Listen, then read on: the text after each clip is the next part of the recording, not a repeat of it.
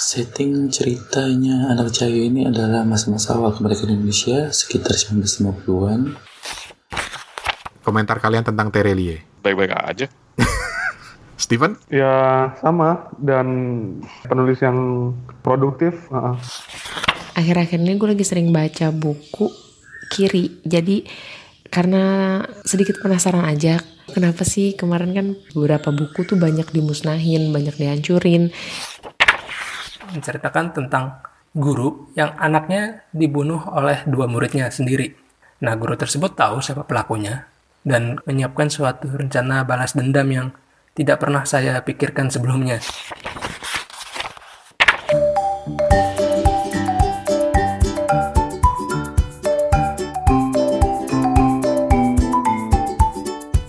Halo, Assalamualaikum. Ketemu lagi di Kepo Buku. Kepo Buku buat yang belum kenal, kenalan dulu, salaman dulu kita salaman. Kenalin, kami ini tiga orang teman di tiga negara berbeda. Ada Steven Sitongan di Ambon, Indonesia. Ada Hertoto Eko di Singapura. Dan gue Rane di Bangkok yang hampir tiap minggu nongkrong uh, bareng-bareng secara online pastinya lah ya. Buat ngepoin buku bacaan masing-masing dan juga buku bacaan teman-teman kepo buku lainnya. Pokoknya kita selalu kepo dengan buku atau cerita apa pun tentang buku. Nah, di episode kali ini ada tiga teman yang akan sharing buku-bukunya. Awalnya kita dengerin cerita bukunya Ari di Karawang, terus eh, nggak uh, lama sehabis rekaman kita terima dua lagi. Ada satu dari Monica dan Iksan, jadi sekalian kita gabung di sini jadi satu episode. Terus buat yang masih aja penasaran gimana caranya ngirim rekaman cerita buku ke sini, di episode ini kita bakal ceritain lebih lengkap lagi petunjuk-petunjuknya yang semoga bermanfaat dan bisa diikuti. Halah, langsung aja.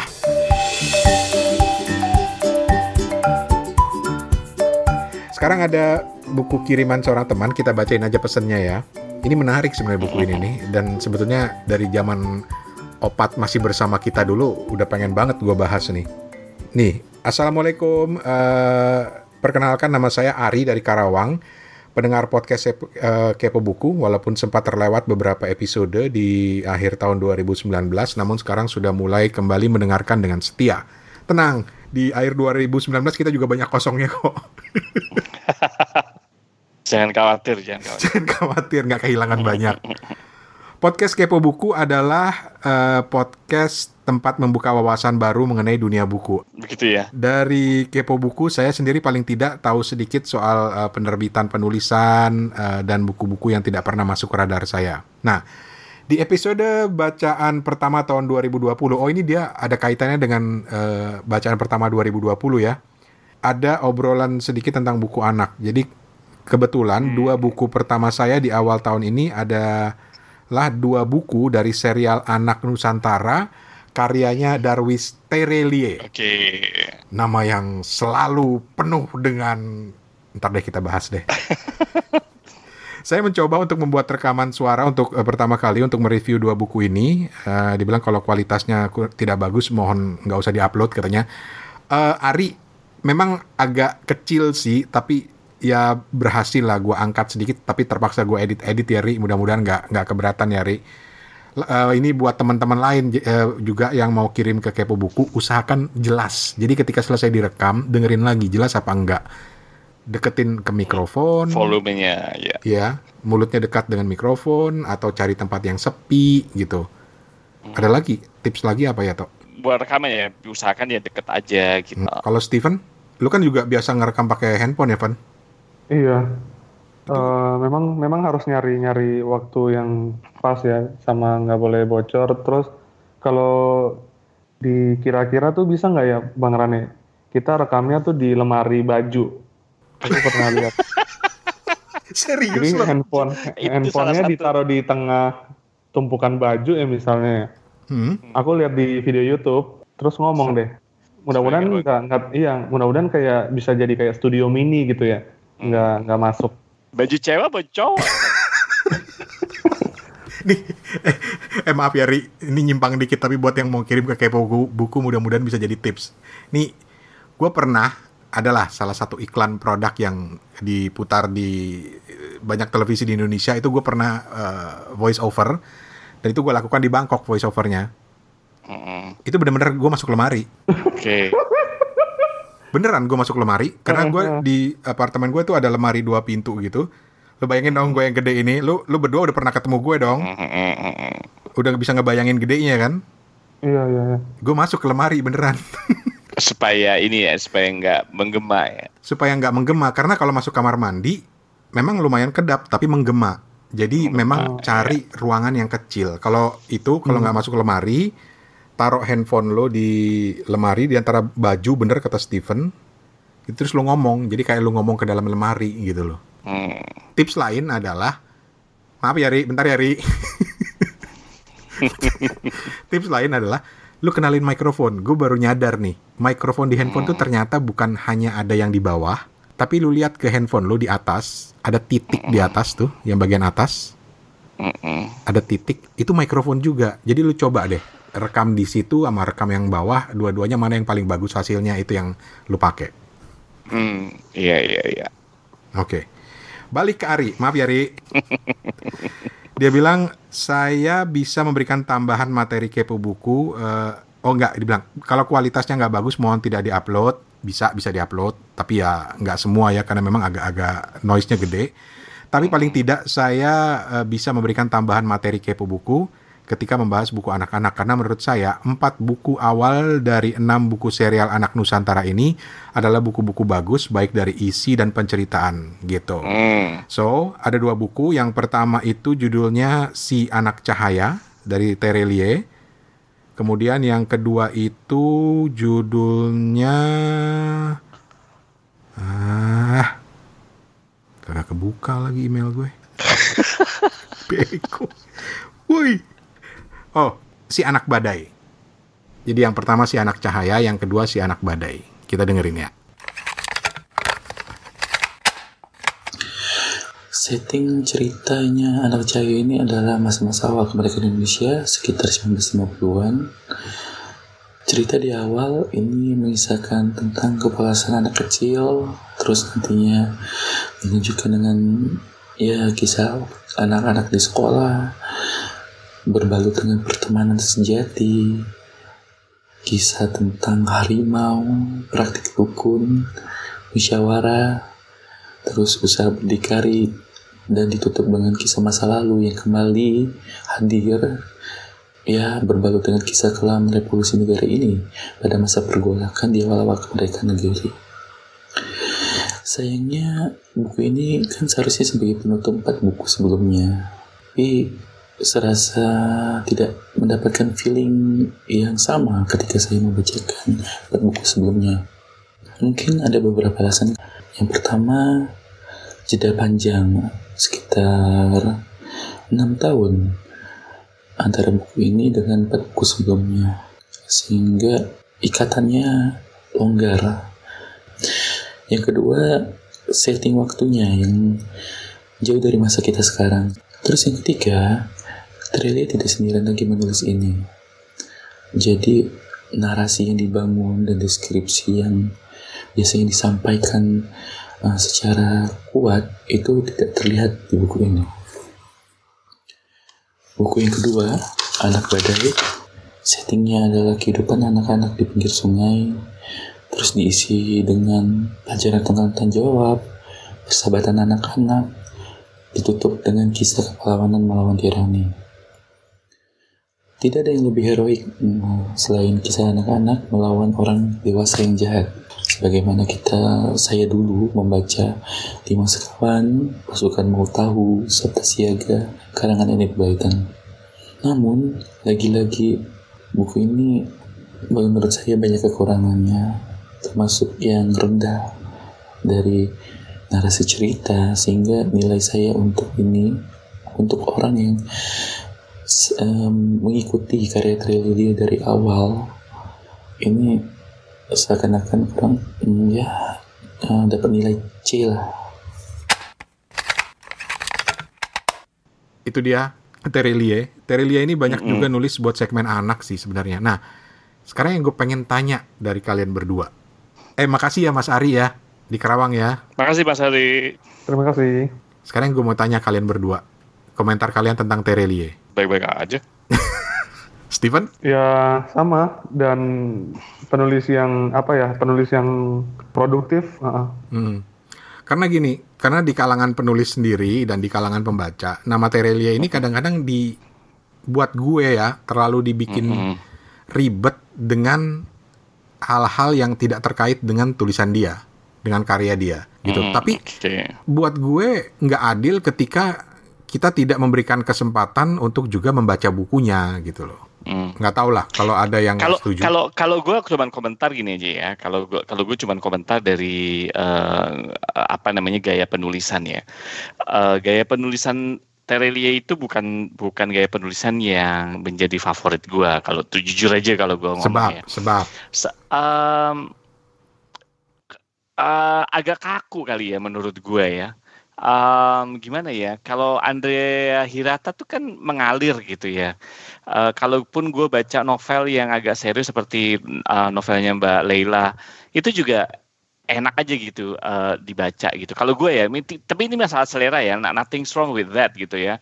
Uh, kalau baca novelnya siapa lagi, um, Ayu Tami walaupun susah atau uh, Mas Eka gitu ya, gue masih bisa ngikut. Tapi kalau Terelie Um, ceritanya bagus, uh, insight-nya bagus menurut gue. Cuman gaya bahasanya aja gue nggak begitu, nggak begitu. Jadi gue lebih cepat, mungkin ya gue lebih cepat lelah dan bosan ketika membacanya gitu.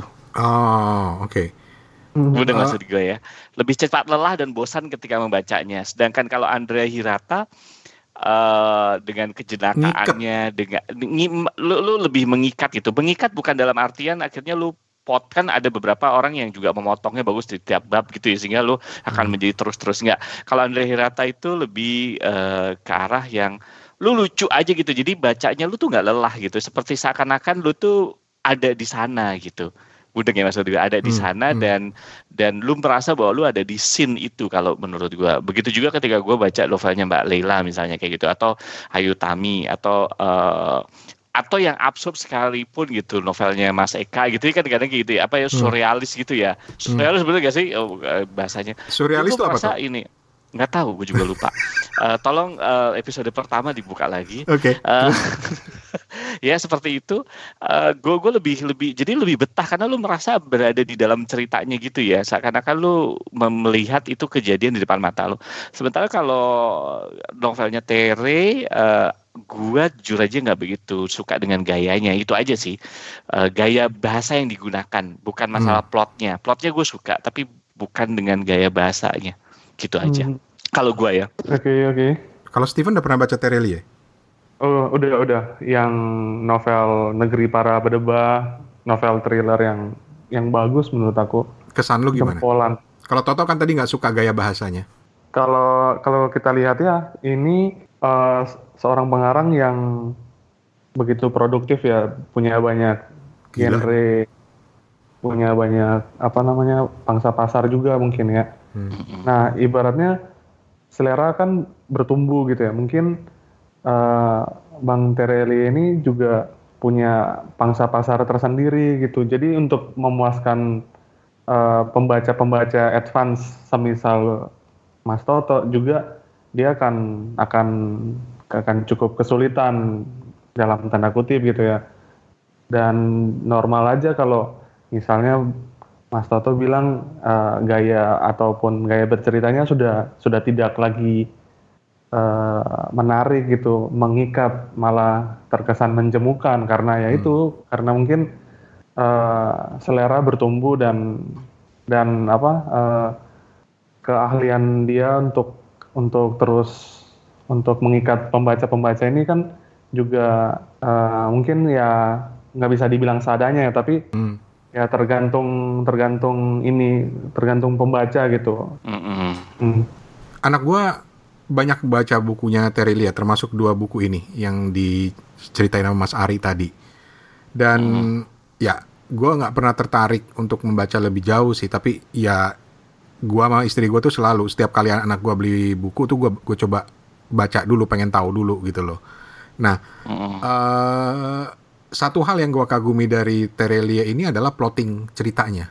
Iya. Yeah. Itu risetnya luar biasa, risetnya luar biasa. Tapi gue setuju dengan Toto, cara dia mungkin karena gua lahir atau besar dari era yang eh, penulis-penulis yang sangat apa istilahnya ya Tok? Gila kalau nu kalau nulis tuh benar-benar bisa tergambar di kepala gitu loh. Nah itu dia lebih deskriptif, gitu ya Deskriptif. lebih eh, sh- s- eh, gini-gini. Kalau mungkin kalau gua, eh, ini sekali lagi masalah selera ya. Tapi Hmm. kalau mencoba di di di mencoba di apa namanya disederhanakan walaupun terlalu menyederhanakan. Mungkin kalau pengarang yang gue suka seperti Andrea itu dia eh, show gitu eh, menunjukkan not tell. Sementara kalau Terelia mungkin telling gitu Eh, jadi Yes. gimana ya Eh, Show not eh, tell, yes. Jadi kalau kalau Andrea Hirata, eh, yang lain-lain, Mbak Leila, terus siapa lagi itu Ayu, Hmm. eh, kayak gitu tadi yang tuh gue sebutin, itu show. Jadi mm, dia not telling. Sementara kalau Tere mungkin menurut gue ya uh, telling gitu. Tapi tapi itu masalah selera ya. Gue gua nggak Ya. mengatakan ya nggak nothing nothing wrong with that. Gitu. Nothing wrong. Cuman menurut gue, gue sendiri tetap berusaha membaca novel-novel dia karena insight-nya seperti yang lo bilang plotnya dan insight-nya sebenarnya pesannya bagus gitu Edan, Edan. ada Ada. gitu ya cuman mungkin ya lu harus dengan ya karena gaya bahasanya seperti itu ya lu harus sebagai pembaca kalau lu emang pengen dapet insightnya kadang-kadang ya memang lu harus berbosan-bosan ria mengikutinya gitu untuk mendapatkan sesuatu gitu Bisa jadi, bisa jadi. Hmm, ya gitu. Kenapa kenapa gua cerita seperti ini karena eh, apa namanya ya? Terelia ini sosok yang kontroversial lah di luar penulisan dia. Eh, tulisan-tulisan dia di, di Facebook bahkan sempat di- Facebook. dicabut sama Facebook sendiri. Tapi buat gue Mm-mm.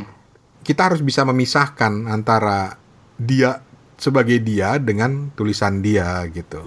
Mm-mm, mm-mm. Ini hanya pendapat gue dan terbuktikan bahwa Steven, Toto dan gue aja ada perbedaan dalam memandang karya-karyanya Terelie gitu. Jadi ya Mas Ari Mm, di Sumedang terima kasih banyak. mm-mm. Kalau ada buku-buku lain mau dong cerita.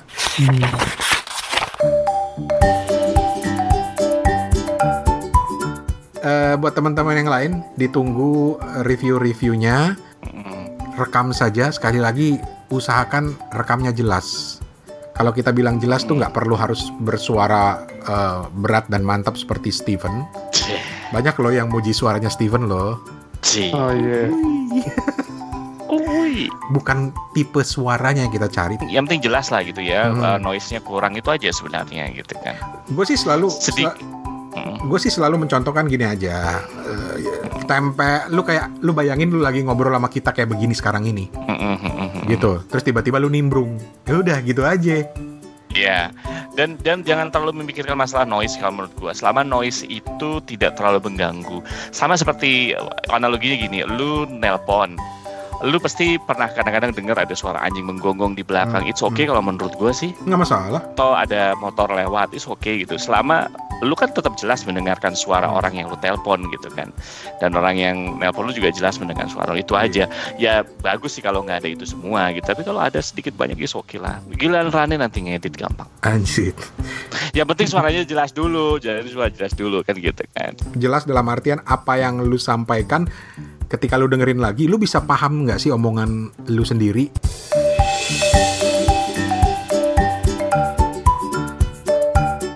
Nah, masih mikir juga mau ngirim rekaman atau enggak ya? Atau masih banyak banget yang dipikirin ala ngapain mikir tadi Toto barusan bilang kan nggak usah dipikirin. Bahkan dia bilang noise aja nggak usah dipikirin.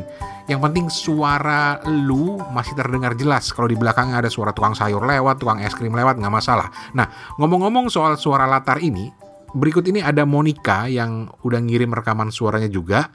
Dan selain lu simak cerita buku bacaannya nanti ya, simak juga, perhatikan juga background suara latar di belakang suaranya Monica tuh ada suara burung-burung berkicau. Monica lu rekaman di mana sih di rumah ya? Bukan atau di pasar burung gitu. Tapi menarik loh, menarik. Karena kita masih bisa mendengarkan jelas suara Monica dengan sedikit hiburan suara-suara di belakang yang yang nggak terlalu mengganggu karena suaranya dan ceritanya Monica masih jelas. Dan malah buat gue itu memberikan nuansa sendiri tanpa mengurangi kejelasan ceritanya. Oke lah, kita dengerin ceritanya Monica yang gaya berceritanya juga kita suka karena seolah-olah beneran diajak ngobrol sama dia. Asik. Halo Kepo Buku, nama gue Monik. di sini gue mau sedikit sharing tentang buku apa sih yang gue baca tahun ini gitu kan.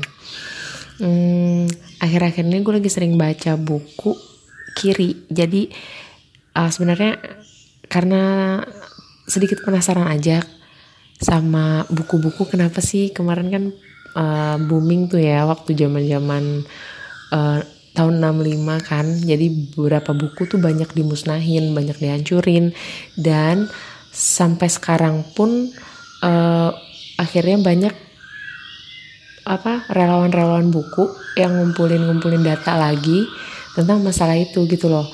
Nah, dulu waktu zaman 65 kan gue belum lahir ya kan. Nah, sekarang gue tuh jadi loh, kenapa sih buku ini dihancurin? Kenapa sih dimusnahin?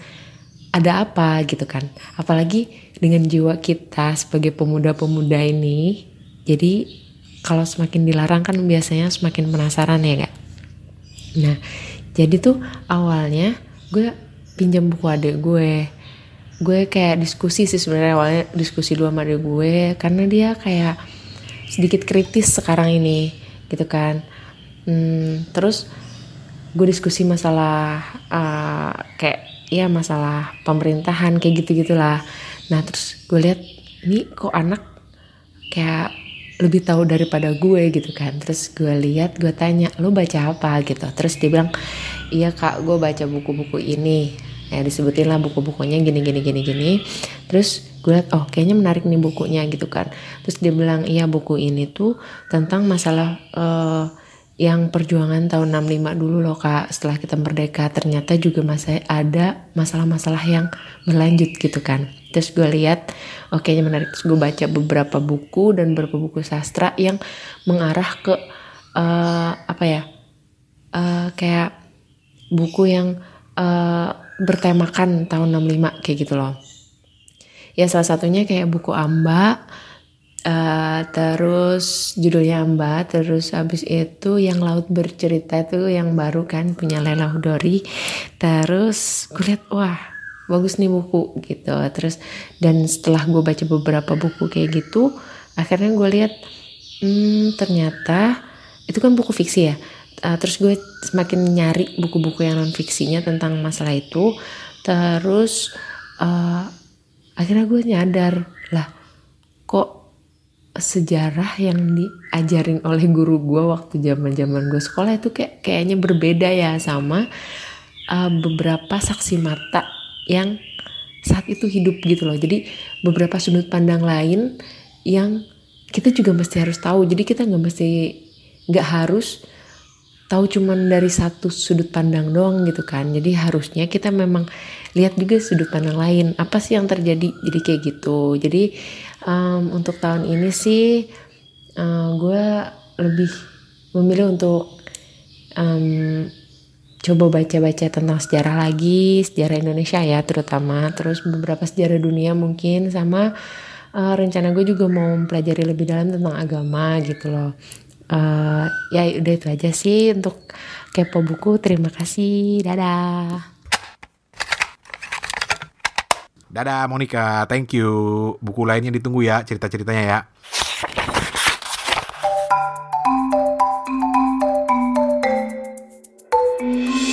Uh,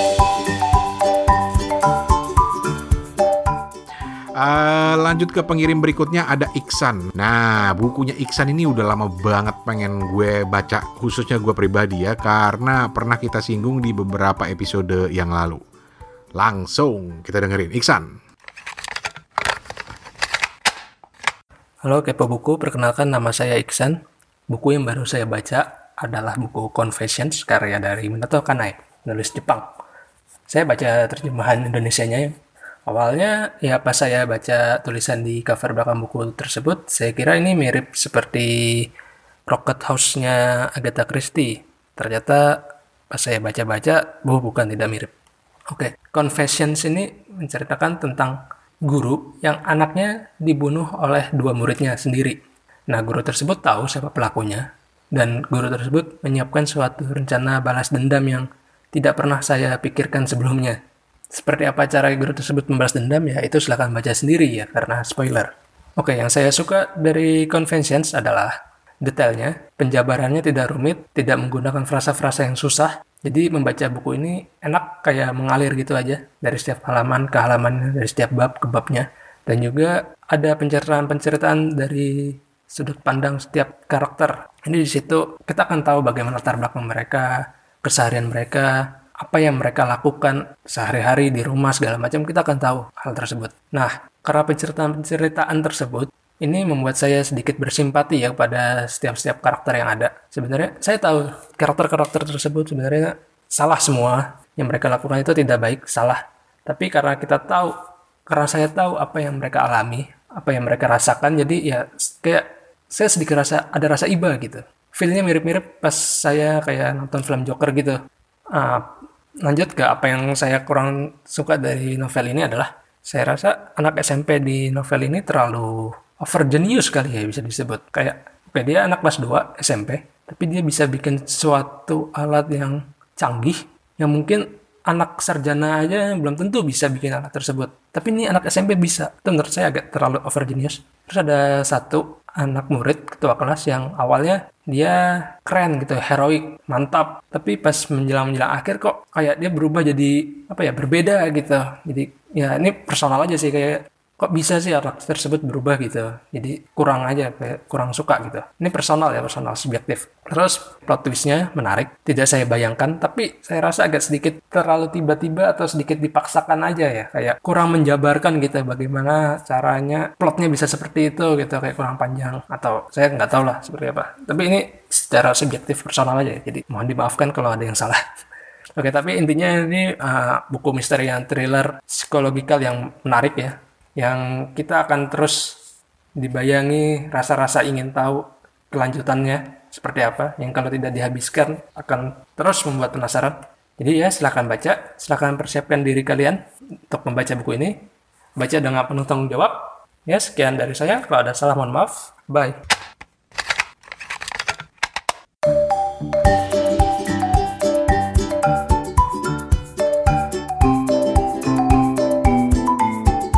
Terima kasih Ari, terima kasih Monica, terima kasih Iksan dan kita juga mau ngucapin terima kasih di depan ya.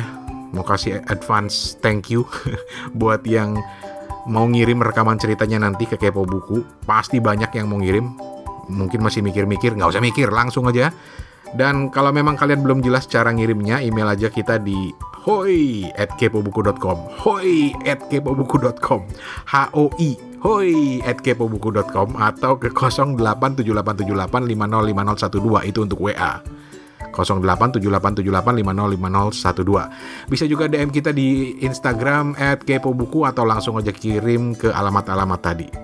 Pokoknya kita selalu seneng denger kepoin cerita-cerita buku kalian Jangan lupa kawan-kawan subscribe ke Kepo Buku dengan mencet subscribe atau follow di aplikasi podcast kalian atau kalau males install macam-macam aplikasi lagi apalagi aplikasi podcast banyak banget langsung juga bisa main ke website kita yang super keren kepobuku.com. Kenapa super keren? Karena lo bisa dengerin langsung di website itu. Langsung.